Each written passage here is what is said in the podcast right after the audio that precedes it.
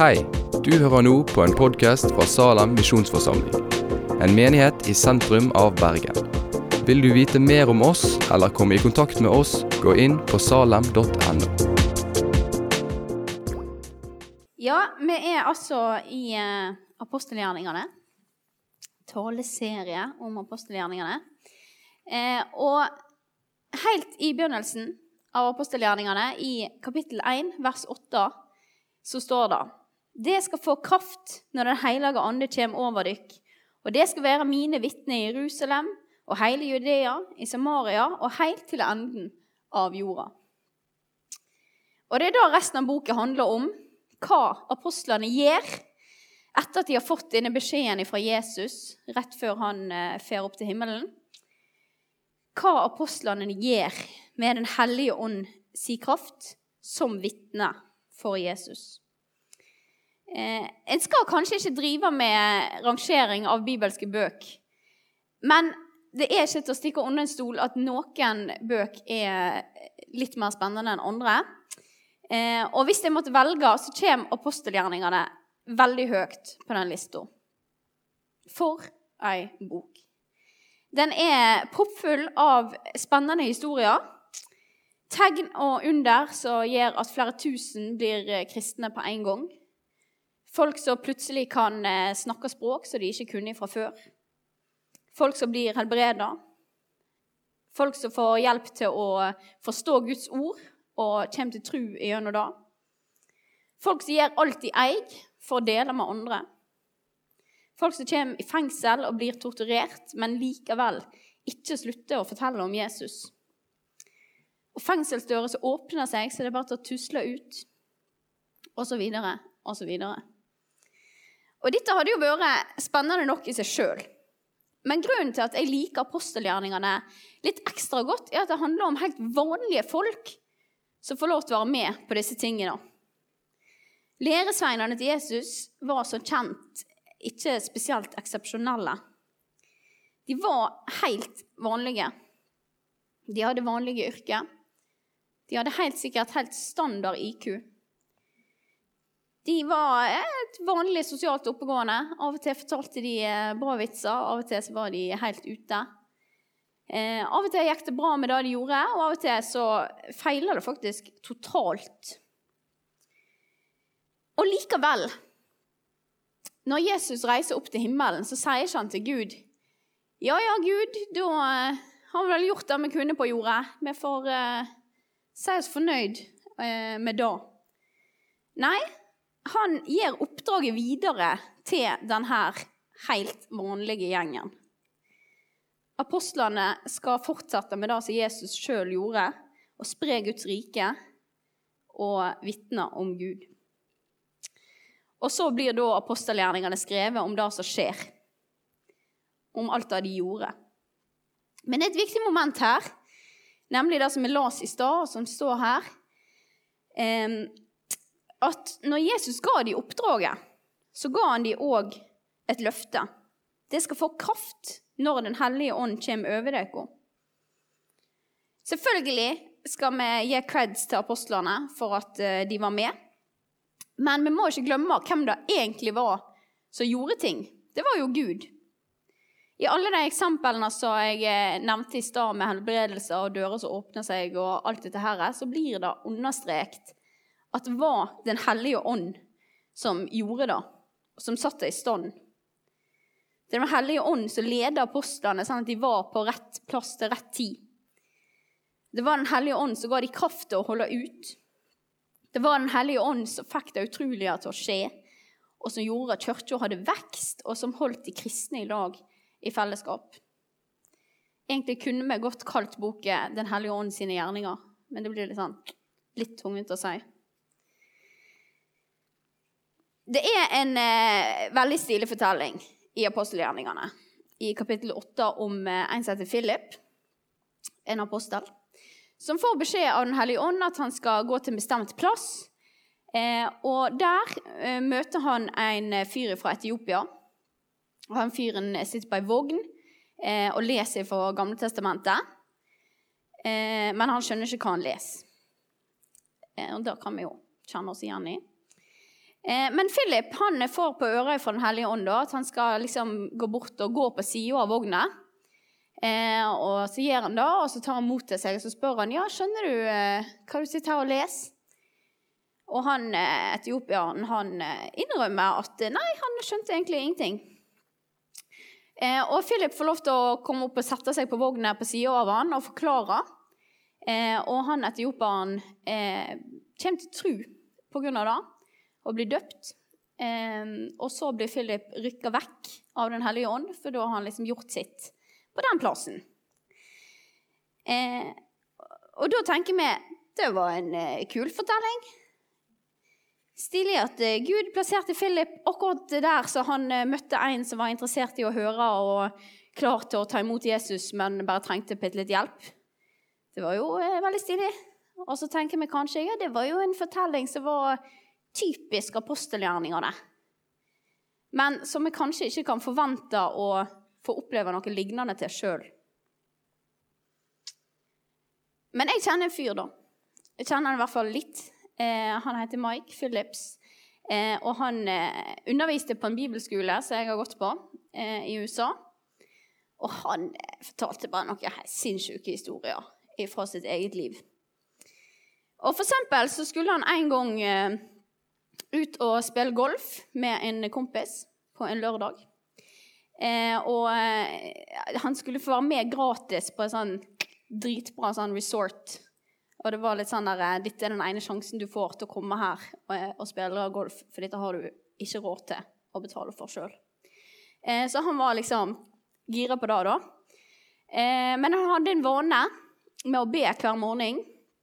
Så denne lørdagen òg står han på badet, gleder seg, pusser tenner. og så ber han sånn som han pleier. Eh, kjære Gud, her er jeg. Eh, du ser mine planer for i dag. Eh, du ser at jeg gleder meg til å spille golf. Eh, men hvis du har noe planlagt, eh, så er jeg tilgjengelig. Så er jeg villig til å heller være med på det. Så ba han den bønnen, da, sånn som han pleide å gjøre hver eneste dag. Og så følte han at, eh, at Gud sa da at han skulle reise inn til sentrum i Seattle der han bodde, eh, og gå og be på rådhuset. Og så var han litt sånn eh, Seriøst? liksom i dag? Eh, på en lørdag, da er det ingen på rådhuset, og en kan på en måte be eh, når som helst. Hvorfor må jeg avlyse min dag for å gjøre det? Hvorfor, Gud? Eh, og så eh, sier Gud det er ingen andre som har gjort seg tilgjengelig for meg i dag. Jeg har bare deg. Wow. Så Mark bare sånn OK, eh, da må jeg nesten ta avlyse den golfen. Eh, og reiste inn eh, til Seattle. Tenk at ingen andre i hele den byen hadde sagt at de var villige til å følge Guds stemme den dagen. Og så kom han til rådhuset, da Tosla litt rundt, var ingen der. Følte seg dum. Følte liksom jeg går glipp av tidenes dag. Eh, jeg får sette meg på denne benken og be. Eh, greit. Begynte å tvile litt på om kanskje egentlig hadde hørt Guds stemme. Og så etter en stund kommer sikkerhetsvakt bort. Men av alle ting så spør han sikkerhetsvakten eh, sitter du her og ber. Han var bare sånn eh, Ja, jeg gjør jo det. Jeg ble litt flau. Og så sier han sikkerhetsvakten da å, det var bra, for jeg har bedt om at Gud skulle sende noen som jeg kunne be i lag med. Eh, så gikk de to i lag rundt eh, på bygget der og ba rundt for, på kontorene. Eh, og, og, Gud sa til dem hva de skulle be om. og det de følte mest på, da, var at de skulle be om at de to partiene da, i staten skulle bli enige om, å, å, bli enige om et budsjett. For det var helt sånn krise. Det var ingen som fikk lønn, og det var varer og tjenester ble ikke levert fordi ingen som fikk penger. Det var bare helt sånn kjempebudsjettkrise. Så de ba for det, da. Eh, og de var der i lag hele dagen og ba. Og så to dager seinere så eh, blir det godkjent et nytt budsjett. Og så kan vi jo tenke ja, det var jo sikkert tilfeldig. Det kan hende det var tilfeldig. Men hvis den fortellingen hadde stått i apostelgjerningene, så hadde den egentlig post eh, ganske greit inn. Det var litt sånn typisk apostelgjerningene-fortelling. Og jeg tror ikke at det var tilfeldig at da budsjettet ble godkjent rett etter at de hadde bedt. Jeg tror at Gud grep inn. Eh, og jeg tror at det var Den hellige ånd som la til rette at han møtte sikkerhetsvakten og timingen og alt dette her. egentlig litt sånn som eh, Den, eh, den hellige ånd la til rette for Philip og han fyren fra Etiopia. For Gud gjør faktisk sånne ting i dag òg. Vi kan ikke si at Gud bedre greip inn i verden i bibelsk tid. Og vi kan faktisk heller ikke si at sånne ting bedre skjer med veldig spesielt åndelige folk. For all del, han her Mike, han er eh, litt spesiell. Men eh, ikke fordi han er ekstra god til ting eller ekstra kristen. Eh, han er spesiell fordi han stiller seg til rådighet for Gud. Og det kan jo egentlig hvem som helst av oss få til å gjøre. Og det er jo det som er poenget i apostelgjerningene òg, at det egentlig ikke handler om denne gjengen, hvor flinke de liksom var å gjøre ting. Men det handler om at de lot seg lede av Den hellige ånd. Sjøl når da Gud spurte de om, virka utrolig ulogisk eller var veldig ubeleilig fordi at de f.eks. heller ville spille golf. Men Gud, Gud har en plan med historien. Det ser vi gjennom hele Bibelen. Gjennom Bibelen sine bøk så blir det mer og mer klart hva planen går ut på, nemlig at alle folk skal få høre Gud til og bli frelst. Gud sier det til Abraham allerede i første Mosebok. Gjennom deg skal alle folkeslag bli velsigna. Og profetene profeterer om det, at alle skal komme til Gud.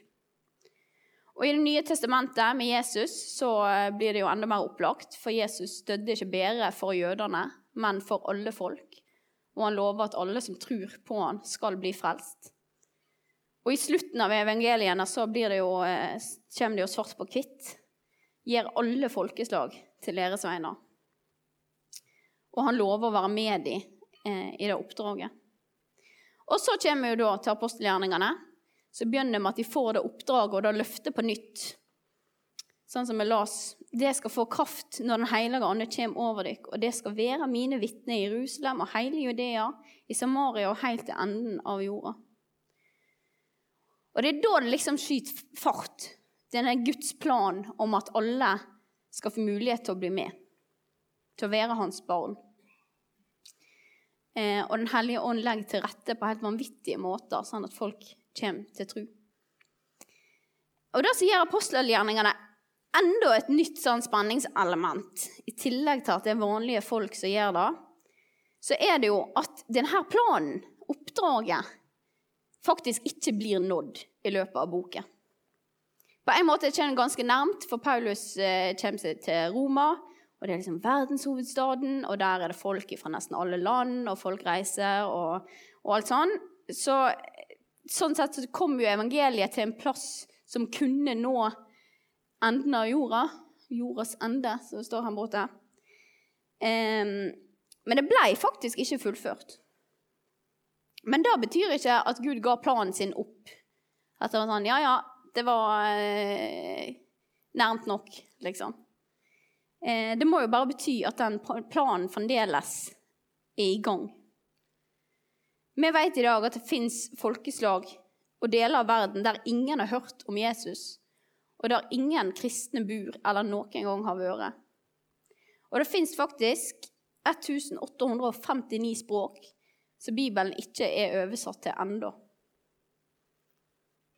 Oppdraget, visjonen om å vitne til alle jordas ender, pågår altså fremdeles.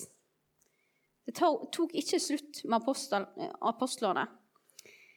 Eh, men vi som er kristne i dag, er fortsettelsen. Og da er jo vanvittig spennende, da. Hallo.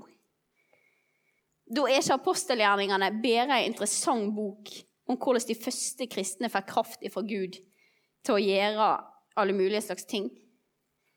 Men da er det ei bok om begynnelsen på det som vi fremdeles er med på i dag. Planen er fremdeles under utføring. Og dette løftet om kraft ifra Den hellige ånd gjelder oss i dag. Det er veldig lett å tenke at eh, Den hellige ånd bare gjør ting i Bibelen eller gjennom folk sånn som han Mike. Men det er ikke sant. Jeg vet ikke hvor mange ganger det står, men Bibelen gjør det ganske tydelig klart at Gud ikke gjør forskjell på folk. Det er jo derfor han driver med denne planen, for at han vil ha alle med. Og han gjør heller ikke forskjell på hvem han lar delta. Jeg tenkte på fortellingen om eh, den bortkomne sønnen, eller sønnen som kom hjem, som det heter nå. er det nye. Litt mer sånn positivt lada. da. I eh, Lukas 15. Og når han kommer hjem, så blir broren veldig misunnelig. For at han som hadde vært vekke, han får jo gave og fest og mat og ring og tilgivelse, og gjøkalven blir slakta, og det er liksom ikke måte på det. Og så sier faren, da, som er Gud, eh, til han broren, 'Hvorfor er du misunnelig? Alt mitt er ditt.' Alle disse tingene, gavene som broren får, de har jo vært hans òg, hele tida. Tilgjengelige for han. Og Jeg tror av og til at vi ser på folk sånn som han Mike, og så tenker at, at han, han har fått alt. Gud har gitt han evnen til å høre Guds stemme og viljen til å lytte, motet til å handle, åndeligheten, trua. Han har fått alt. Og hva har jeg fått? Bare et lite snev av tru. Men så står jo Gud der og prøver å fortelle meg at alt hans er mitt. Jeg òg har disse gavene tilgjengelig. Jeg har kanskje bare ikke grepet de. Ikke innsett at jeg har de. Ikke tørt å stole på Guds stemme. Paulus oppfordrer oss til å be om nådegavene. Og kanskje har vi allerede gave som vi bare ikke har tatt bruk. En ting er i hvert fall sikkert, at alle vi som tror, har Den hellige ånd. Det er helt sikkert. Og da kan hva som helst skje, sjøl med oss. Og våre liv kan bli eh, kapittel som kunne passet inn i apostelgjerningene. Det er ikke sikkert at det blir fullt så spektakulært at Den hellige ånd rykker deg vekk og, eh, og alt sånt, men det kan faktisk hende. Det kan bli det. Og uansett så tror jeg at Gud bruker deg i store og små ting i ting som drar deg ut av hverdagen din, og ting som glir rett inn, sånn at du ikke er helt sikker på om det var Gud eller ikke. Men jeg tror ikke vi skal tvile på at Gud har en plass for oss i sin livsviktige plan for å frelse verden. Bare si til Gud at uh, du er tilgjengelig. Og følg med, så tror jeg at Den hellige ånd vil lede deg. Og da får du bli med på noe utrolig viktig, noe utrolig stort og meningsfullt å fylle livet ditt med. Og det kommer til å se forskjellig ut for hver av oss hvordan Den hellige ånd kommer til å bruke oss. Eh, men poenget er at det er tilgjengelig for oss eh, å bli med. Skal ta og be litt. Kjære Gud, jeg takker deg for eh, for at vi har apostelgjerningene som eh, ja, viser oss noe av eh, alt det store som du kan gjøre, Gud, gjennom oss. Og jeg ber deg at ja, vår frykt for å ikke være god nok eller åndelig nok eller ikke tror at vi kan høre din stemme, jeg ber deg at den må du bare ta vekk. Hjelp oss til å lytte til deg, hjelp oss til å være tilgjengelige i små og store ting sånn at vi kan få ta del i din plan. Og Gud, jeg ber deg at eh, utrolig mange rundt oss skal komme til tru eh, for at vi lytter til deg, og at du gjør store ting gjennom oss. I ditt navn. Amen.